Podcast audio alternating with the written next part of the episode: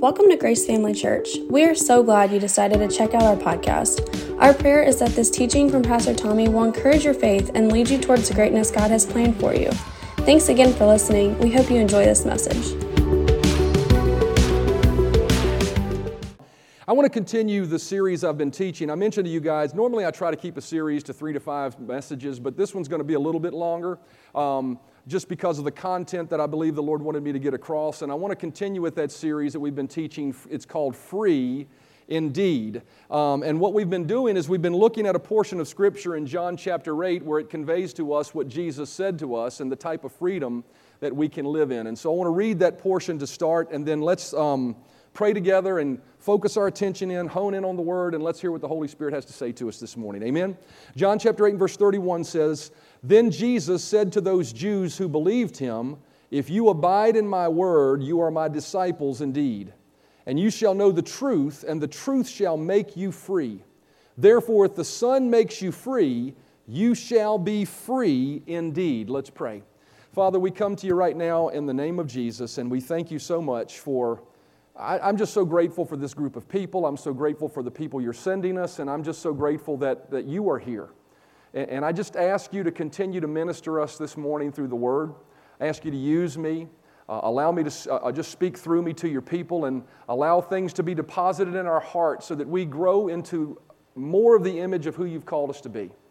That we can actually say, when we leave here this morning, I'm better because I came to church. And I just thank you for that, Father, in Jesus' name. Amen. You know, we've been pointing out in all six messages prior to this seventh one in this series that Jesus said these words. He said, You shall know the truth, and the truth shall make you free. And if the Son makes you free, you shall be free indeed. Everybody say, free indeed. He said, You will be free indeed. And we pointed out, and I stress this every week just in case somebody hasn't heard it or hadn't been here for the other messages. When he said free indeed, he chose those two specific words, right? He didn't just say, You shall be free, but he said, You shall be free indeed. And those two words mean two very specific things. We said freedom means unshackled, unbound, unfettered. So you, uh, he said, if you know the truth and if the Son makes you free, you'll be unshackled, unbound, unfettered.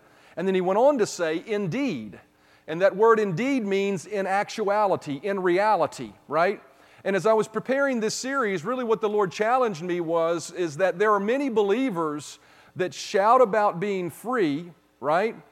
They, they, they, eh, but they carry around things that are shackling them, holding them back, and restricting them from rising to the level of influence that God wants them to rise to. And that can be in any area, right? It can be sin, it can be a, a, an addiction, it can be depression, it can be worry, it can be sickness, it can be finances, anything that holds you back and shackles you. Jesus said you can live free from that if you know the truth, right? And not just live free from it so we shout about it on Sunday mornings, but we go home on Monday and we deal with the same problem over and over. Now, Jesus said you're going to have problems, right? But, but we should be getting free from problems progressively in our life and getting more and more liberated in our life. And when I say liberated, I don't just mean like loosey goosey. What I mean is, is freed up to be able to truly help people and bring the power and the presence of God into people's lives, right? We should be free. And Jesus said, if you know the truth, it will make you free indeed. And so, what we pointed out at the very outset of this is what is truth? And we said truth is really a lot of different things, but it can be clearly defined in three specific areas from the Word of God. First of all, the Bible says the Word is truth. So we've spent the last six weeks talking about how do we actually experience, how do we know truth in our life? And we said that word know is the word gnosko. It's a Greek or, or, Aramaic word, and it means to experience truth. He didn't say you'll just know of it, right? You, you watch the news and know about something. I mean, you re- if you hear about a five alarm fire downtown, but you weren't there, you didn't experience, you know of it, but you didn't experience, right? Jesus said you'll experience the truth. So you'll experience the word in your life, and that'll bring liberty. And so we spent six weeks talking about how to experience the word. I'm not going to go back and rehash that, but if you haven't listened to it, go back and listen to it. Make it your assignment this week. I'm going to listen to those six messages and get those down in my heart. But we also said a second aspect of truth is what Jesus said in John chapter 14. John chapter 14 and verse 6 says, Jesus said to him, I am the way, the truth. Everybody say the truth. I am the way, the truth, and the life. Jesus said, I am the truth.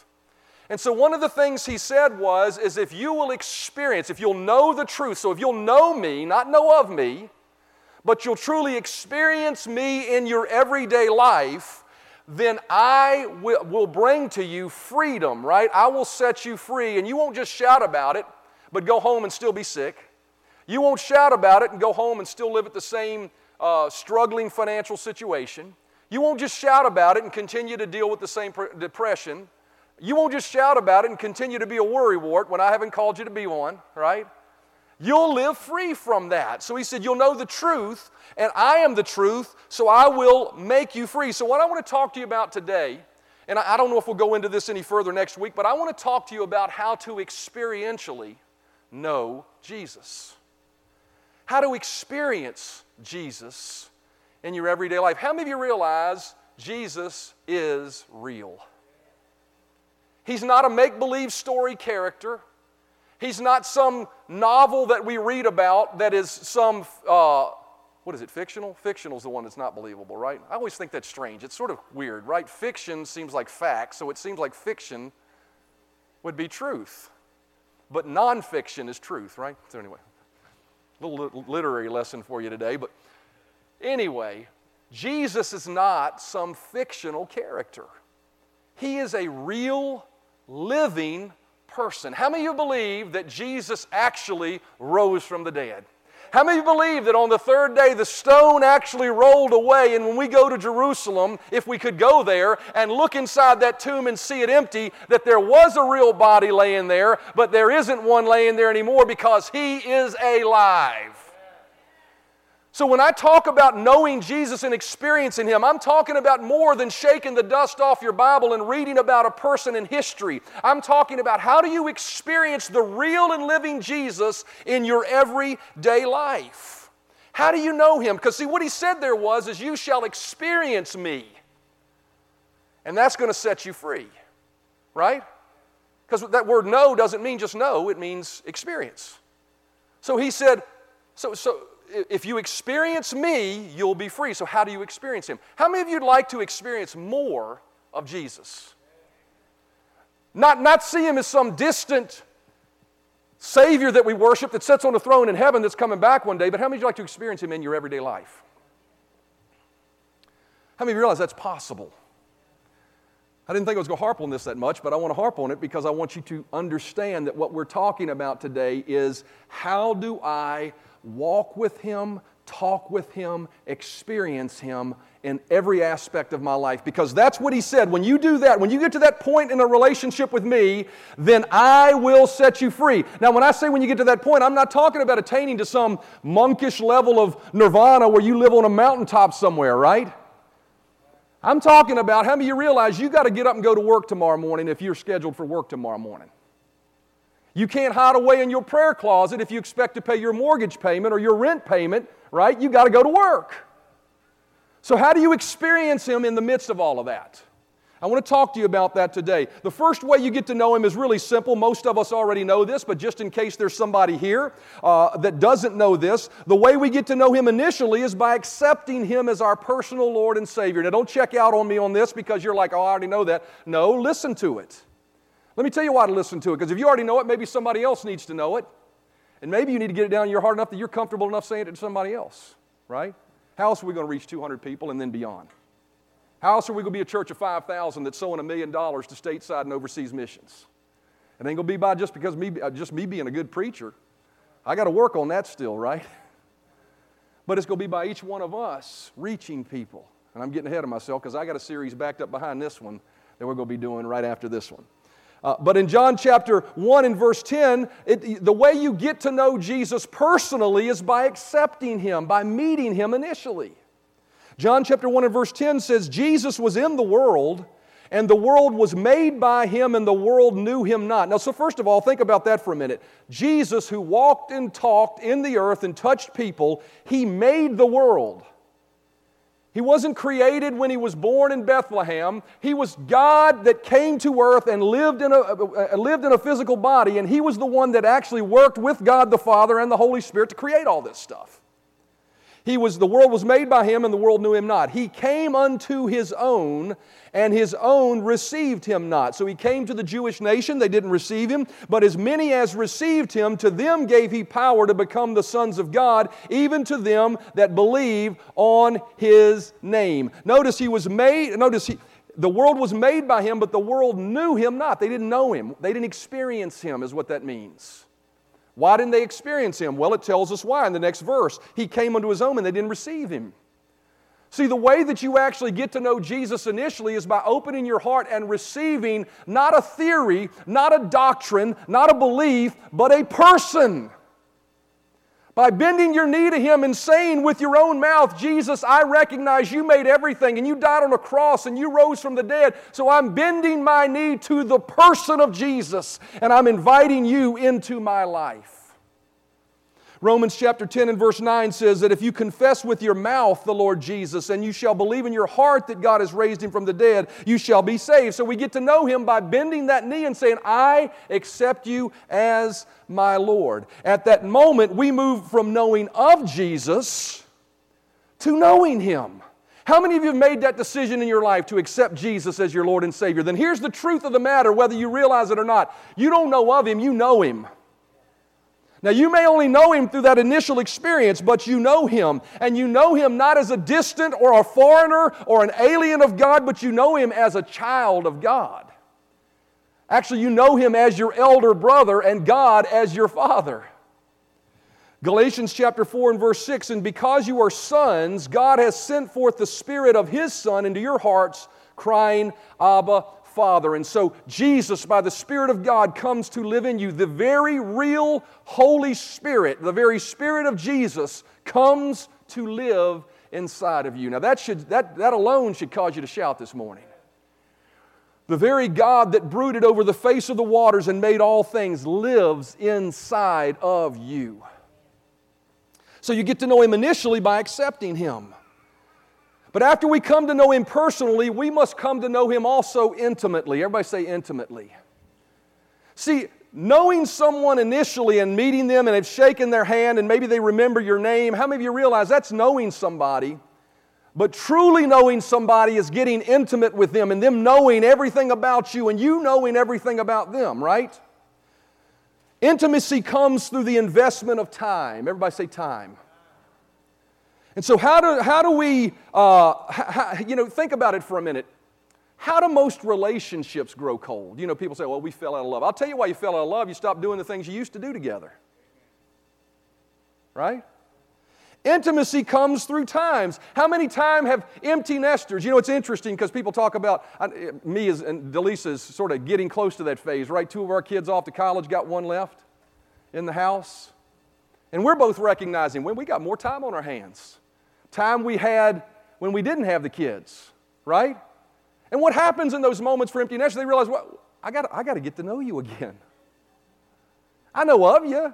We pass, we talk, we share life, but I need to get to know you better, right? And so intimacy comes through time. And so a relationship of knowing Jesus doesn't start and end at the moment of salvation. It's an everyday thing. It's a daily pursuit of each other. Now, the good news is about Jesus is he never stops pursuing us. See, some people got the impression that when you accepted Jesus, okay, I accepted him. He was coming after me. He's knocking on my heart's door. I accepted him. Once I stepped through the door, now it's all on me to come after him. Let me let you know something that you need to understand about the heart of Jesus for you. The same passion and fortitude that he had to endure the cross and the whipping post and climb that mountain and carry that cross to win you, it's that same fortitude with which he's pursuing you this morning. You need to understand you aren't pursuing him as a believer, he's pursuing you. Now, you should be pursuing him, but I got to tell you, if you stop, he's still coming after you. He don't ever quit. He keeps on coming, he keeps on coming, he keeps on coming. But it's up to us to make sure that we're doing our part to pursue him as well. Just as you received him at salvation, you need to receive him every day into your life. Hebrews chapter 12 and verse 2 says, Looking unto Jesus, the author and the finisher of our faith, who for the joy that was set before him, what was the joy set before him? You want to know what it was? It was you. Jesus endured the cross because he saw you.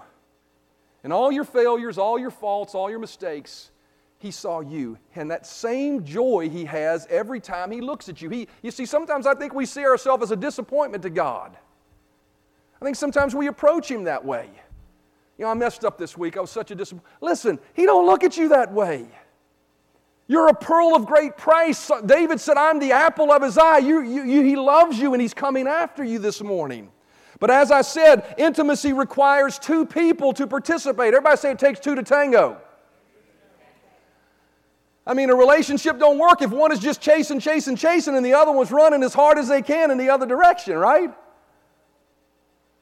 Amen. It takes two to tango. And this is true with our relationship with Jesus. We must make a choice not to just know Him initially, but to know Him intimately. Revelation chapter 3 and verse 20 is a very often misinterpret or misapplied verse of Scripture. Revelation 3 and verse 20, Jesus said these words. He said, Behold, I stand at the door and knock. If any man hear my voice and open the door, I will come into him and will sup with him and he with me. This verse of Scripture is often quoted at altar calls. Matter of fact, there are tracts. I remember as a young kid reading tracts that you'd give to a lost person that showed Jesus on the outside of somebody's heart's door knocking, saying, Will you let me come in initially? But Revelation chapter 3 and verse 20, Jesus is not speaking to a lost person. He's speaking to the church in Laodicea, and what he's saying to that church in Laodicea is hey, you have a relationship with me, but I'm still on the outside looking in. I'm knocking on your heart's door. I'm wanting to have intimacy with you. And so, for us to be able to have, uh, uh, for us to be able to grow and experience Jesus, there has to be more than that moment at the cross. Thank God for the moment at the cross, it got us in the door. But there should be regular occurrences, often, every day in your life, where Jesus makes himself real to you. And so, intimacy is, uh, we said intimacy comes through time, right? But in what ways do we spend our time to create that intimacy? Number one is this one, and I'm not going to spend a lot of time on this one this morning simply because I have hammered this for the last year. I just feel like in every message I bring it up. So I'm going to bring it up again. But I'm only going to spend a little time on it to get to the second way we could develop intimacy. Number one, we develop intimacy with Jesus by dedicating time to Him, setting aside time. Mark chapter 4 and verse 1 and 10 says, Again, Jesus began to teach by the lake. The crowd that gathered around him was so large that he got into a boat and sat, sat in it out on the lake, while the people were along the shore at the water's edge. But, but go, you read through all that and see what he said. Then down to verse 10 says, But when he was alone, everybody say alone, the 12 and the others around him asked him about the parables. See, there was a moment in time where those that really knew him got away from the hustle and bustle of life and spent time alone with him. And for us to have intimacy with Jesus, we must have moments where we set aside time alone with him. He is a real person. And we must set aside time to say, hey, Jesus, let's sit down and have a conversation. I want to talk to you about life today. I want to get your wisdom on life today. We need to have those set aside moments. To truly know Jesus, we must have regular moments where we pull away to do two things. Number one, to intimately worship Him for who He is. To stop and thank Him and say, Jesus, I recognize that you are alive and you're living in my life and you're providing and helping me, and there's more you can do for me, so I worship you. Right? but also to devotionally spend time for Him to ask for wisdom and understanding about how to face the day. We must have personal time with Him. Psalm 32 and verse 7 says, You are my hiding place. You will protect me from trouble and surround me with songs of deliverance. And then it changes the narrative from now God speaking back to David. And it says, I will instruct you and teach you in the way you should go. I will counsel you with my loving eye on you. See, what David was saying was, God, I have a hiding place with you. You are my hiding place. Now, that can be figuratively, but I would encourage you do you have a specific hiding place with God? Jesus used to say, when you enter your prayer closet or your closet to pray, he was talking about when you enter that private place. I would ask you the question do you have somewhere you regularly go to spend time alone with Jesus? You should. Is it necessary? Is it God going to judge on it? No, but I would tell you it's a practical application of devotional time that will help you. It'll become a sacred place. It'll become a place that when you step into it, you know God's going to speak to me. You should have a place set aside. You say, is it, do I have to use it just for? No, I mean, for me, I can tell you one of the places for me is the corner of my couch before my family gets up each morning. I set my cup of coffee down, I open my Bible, and I have my personal time with Him, and in those moments, God speaks to me. You need to have those dedicated, set aside times. I'd encourage you to find, you know, we talked about twice a day in the, the, previous few messages. Twice a day do you spend time with God, right? Find a place to let that twice a day take place. Be, be methodical, be purposeful in it. To have those intimate, set aside times. But, but what I really want to get to is this intimacy does just not, it, it doesn't just come from only private time together.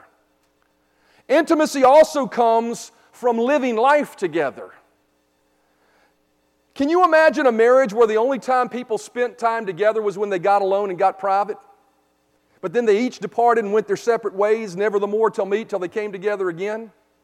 There may be intimacy uh, shared, there may be uh, conversations had, but there has to be this process of living life together. I'm not talking about being together 24 7, but I'm talking about you're intertwined when you're married and you're living life together. It's not my life and your life, it's our life. Right? It's not my friends and your friends, it's our friends. Right? I mean, if you never shared anything more than private time with someone, you, you'll never know the full aspect of who they are. Intimacy takes place at the individual level when we spend time to not just spend quiet moments with them, but we also take them with us into everyday life. The couples that have the tightest relationships are the ones that live life together. Their interaction is not just relegated to an occasional date night and a few moments in the sack, but they spend time together throughout the week talking and sharing life together. Matter of fact, it might make your private time and time of the sack a little better if you did that. Somebody should have said amen to that one. They're together beyond the dedicated times, and it is this point I want to focus the remainder of our time on today. Are you inviting Jesus, the real and living Jesus, into your everyday life? How many folks have accepted Jesus as their Savior but failed to invite Him, the real person, to join them in their everyday life? To go with them to work or to school and interact with them during those times? To go with them to the movies they watch or the activities which they participate in, to listen with them, to listen to the same music that they listen to. How many people invite Jesus into that aspect of their life? Because Jesus said, when you know the truth, when you know me, when you experience me, at that level is when freedom comes. How much, if we invited Him into our everyday lives, would, would, it, would it cause us to see different aspects of how He wants to help us? How much would it change us? How much would it change the music we listen to, the movies we watch, the things that we do with our time? You say, but I like that. Well, if you like that and want to be bound, then like that and stay bound. But if you want to be free, like Jesus said you could be free, then you got to invite him into your everyday life. See, remember Jesus said to the Laodicean church, they were, they were a church, they were believers. They weren't going to hell. If you read about them, they were fighting, they were standing, they were doing things for the kingdom. But he said, "Here I am, Revelation 3:20, here I am. I stand at the door and knock." How much knocking is Jesus having to do in your life? Or have you developed an open door policy with him? Is your door wide open in everything you do when you go to work and you're rising and you're falling and you're doing and you're listening and your music and your movies and your sports and everything else? Is He a part of it? Have you invited Jesus to watch the football game this afternoon with you? You say, come on now, that's no, no, He wants to walk with you, He wants to talk with you. You might not yell at the quarterback as much as you did before, right? You may find an aspect of Jesus that you didn't realize was there. You might find the, the humor of who he was. You might find the person of who he was, and not just a theory or a doctrine that you only hear about in your quiet times and when you're here on Sunday mornings. Do you get up from your place of prayer and devotion, leaving Him there mentally as you depart to face life? That's, I try to paint images sometimes with the words I speak. Do you get up from your quiet place and walk out and leave Him there? Or do you get up and say, okay, let's go now? Time for us to go together. Is he a silent rider in some back passenger car of your life as you chug along the rails of your daily activities?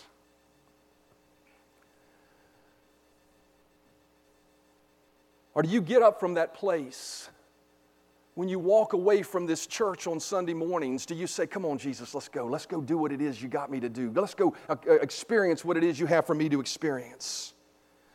For the latter is where true intimacy and knowledge of Him comes from that brings the kind of freedom He was talking about. I will tell you this most people don't live in the level of freedom that God wants them to live in is because they've compartmentalized Jesus into specific areas to Sunday morning and their devotional time, but they don't allow Him to come into their life and influence the areas of their life where they really need to be free. Amen or oh me, sometimes it hurts to hear the truth, but it hurts so good, doesn't it? This week, I would invite you, pick one thing that when it came to mind, you think, oh, I might have to change that. Invite him into it every time you do it. You may think you're giving up something, and you are. What you're giving up is the bondage, and you're stepping into freedom. See, Psalm, I'm sorry, John chapter 15 and verse 5, Jesus said these words He said, I am the vine, you are the branches. If you remain in me and I in you, you will bear much fruit. Apart from me, you can do nothing. So if you're disconnecting after your time of devotion, you walk out and live life on your own, you can't do what He needs you to do. You got to take Him with you. This is Him walking through your, your in, in your everyday life. Psalm 121 says, The Lord will keep you from all harm. He will watch over you. The Lord will watch over your coming and going, both now and forevermore. Everybody say, coming and going. He wants to be in part of your coming and your going. Right? Not just your coming to church, not just your coming to Him, but when you go out, He wants to be a part of the going out part too. He's like, take me with you. it says there, it says, the Lord will keep you from harm and He will. When will He keep you from harm? When will He watch over you? When you take Him with you and you're coming and you're going. Right? When you're cognizant of Him, you're recognizing, I'm taking a, a real person. He is real. He has emotions, and He wants to be with us. What I'm talking about is not just allowing Him to be big in your moments of worship and devotion, but allowing Him to live big in your everyday life. Man, there's a verse of Scripture that Paul wrote that is so good. Galatians chapter 2 and verse 20 says, I am crucified with Christ. Nevertheless, I live. What did he say there? He said, I'm crucified. I lay down certain parts of me. I die to certain parts of me, right? But I didn't die when I did that. I live. That word live means to actually have life, to really enjoy life like God designed it to be lived. I'm crucified with Christ, nevertheless I live, yet not I. Now I want you to catch this. Yet not I, but Christ liveth in me. He lives in me. And the life which I now live in the flesh, I live by the faith of the Son of God. Not by my faith. The life I live, I live by the faith of the Son of God. See, a lot of people aren't free because they're trying to live by their faith. Instead of living by His faith, allowing His faith to live through you. Right? Because that's what Paul said. Who loved me and gave Himself for me. Paul said that He allowed Christ to live through Him. He was basically saying, I take Jesus into my everyday life and ask Him what He would do and do it. Actually, better yet, I ask Him what He would do and then I say, Do it through me. Right? Because the, the, the connotation is I do it is I go do it. Paul didn't say I go do it. He said, A life I live, right, the one is living through me. I let Jesus just live through me. Right? I just can't forgive. Well, don't try to forgive then. Just let Him forgive through you. And you'll find it'll run off the other forgiveness you can't deal with. Galatians 2 and verse 20 in the Amplified says this I, The life I now live in the body, I live by faith, by adherence to and reliance on and complete trust in the Son of God. Paul tried to, is what he's saying, in every circumstance that I face, not just in my devotional time, but when I face real life in every circumstance, I ask myself the question what would Jesus do here? I know what I might do. I might be afraid. I know what I might do. I might worry. I know what I might do. I might get bitter and mad. But what would Jesus do here? And if Jesus would do this here, then guess what? I'm not going to try to do it in my own strength. I'm going to let Him live it through me. Jesus, just live through me. You're with me? Go ahead and live through me. Amen? This is how we walk in true freedom. See, here's, here's a, a perspective change I want you to get this morning. Most people see receiving the deliverance, the freedom that they get, receiving that freedom. Most people see seeing, receiving the deliverance that Jesus offers as asking Him for something from Him that they do not have, and then, then Him giving it to them. That's where 99.999% of Christians live their life. I don't have it, so I'm going to ask Jesus for it, and I'm hoping He's going to give it to me because I don't have it yet. In their poverty, they ask God to give them money that they don't have. In their sickness, they ask God to give them healing that they have yet to receive. In their depression, they ask God to give them joy instead of the depression they're carrying around. In their worry, they ask God to give them peace. In their fear, they ask God to give them faith. In insecurity, they ask God to give them confidence. In bitterness, they ask God to help them have a forgiving heart. But the truth is, the one that is in you already has the answers. You don't have to ask Him for something that's already in you. 1 John chapter 4 and verse 17 says, As He is, so are we in the world. Do you see yourself that way?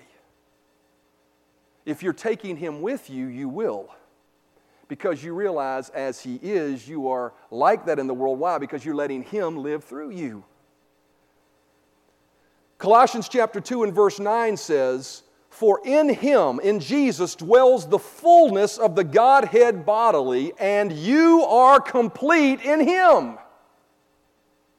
See, what that means is that when we walk into everyday life, we should never see ourselves as insufficient because I'm taking Him with me, because I've invited Him to be a part. Instead of embracing my insecurity, I'm going to embrace His confidence. I'm going to embrace His power. I'm going to embrace His ability. I'm going to embrace the completeness that lives on the inside of me, which is not necessarily my frail humanity. It is Him, the greater one, that lives in me in lack? Are you walking into those situations in your life with confidence like Jesus would that God will provide and ain't no big deal? You say, Well, I struggle to do that. Then don't worry about it. Let Him do it through you. Just put Him on. In sickness, are you allowing His health to live through you and conducting yourself as a healed person would instead of a beat down, sickness riddled person? In depression, are you allowing His joy to live through you as He would do it? In, in worry, are you allowing His peace to fall upon you and allow that to be your attitude? In fear, are you embracing the confidence that He would have to face fear in the face and walk through it in faith? In bitterness and anger, will you allow Him to forgive through you?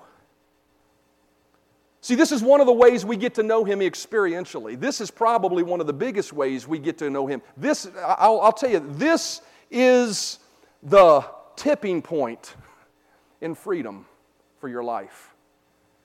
Yes, meet him initially. Yes, spend time with him privately, but then take him into your everyday life and let him live through you. Let Him live through you by laying down your attitude and picking up His. Let Him lay, live through you by laying down your weakness and picking up His. Let Him live through you by laying down your lack of confidence and picking up His. Not by trying to change yourself and be like Him, but just by letting Him live through you. Amen? Romans chapter 13, verse 14 says, But put on the Lord Jesus Christ. Put him on. You ever heard somebody say, Oh, you're just putting on? Right? Are you just putting on? Because you should be if it's putting on Jesus. You say, Well, you ain't acting like yourself no more. That's exactly right. I'm acting like Jesus. He's living through me. You want to know him? You want to meet him? Because he can help you too. Amen? We need to put on Jesus. Truly living, you know, there's a coined phrase that came up many years ago, and I used to not like it because I don't like coined phrases and I like being different for some reason. Remember, though, people wear the bracelets, WWJD. What would Jesus do? But I think sometimes the mindset around that was, what would Jesus do? So I'm going to go try to do it. Now, I think we need to develop that mindset. What would Jesus do? And let Him do it through us. Let Him live through us. When you're challenged with a step of obedience that is beyond your personal faith, do you allow the faith of the Son of God to rise up in you? I mean, think about it. When you face a situation where God says, I want you to do this, and you cower at it because you think, I don't see how I can do it. How do you get past that? I'll tell you how you get past it. You simply allow Christ to live through you. You say, I'm going to do what he would do here.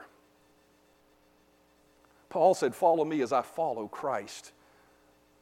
Him in your everyday life is part, uh, part of that is you doing what He would do. It will change you.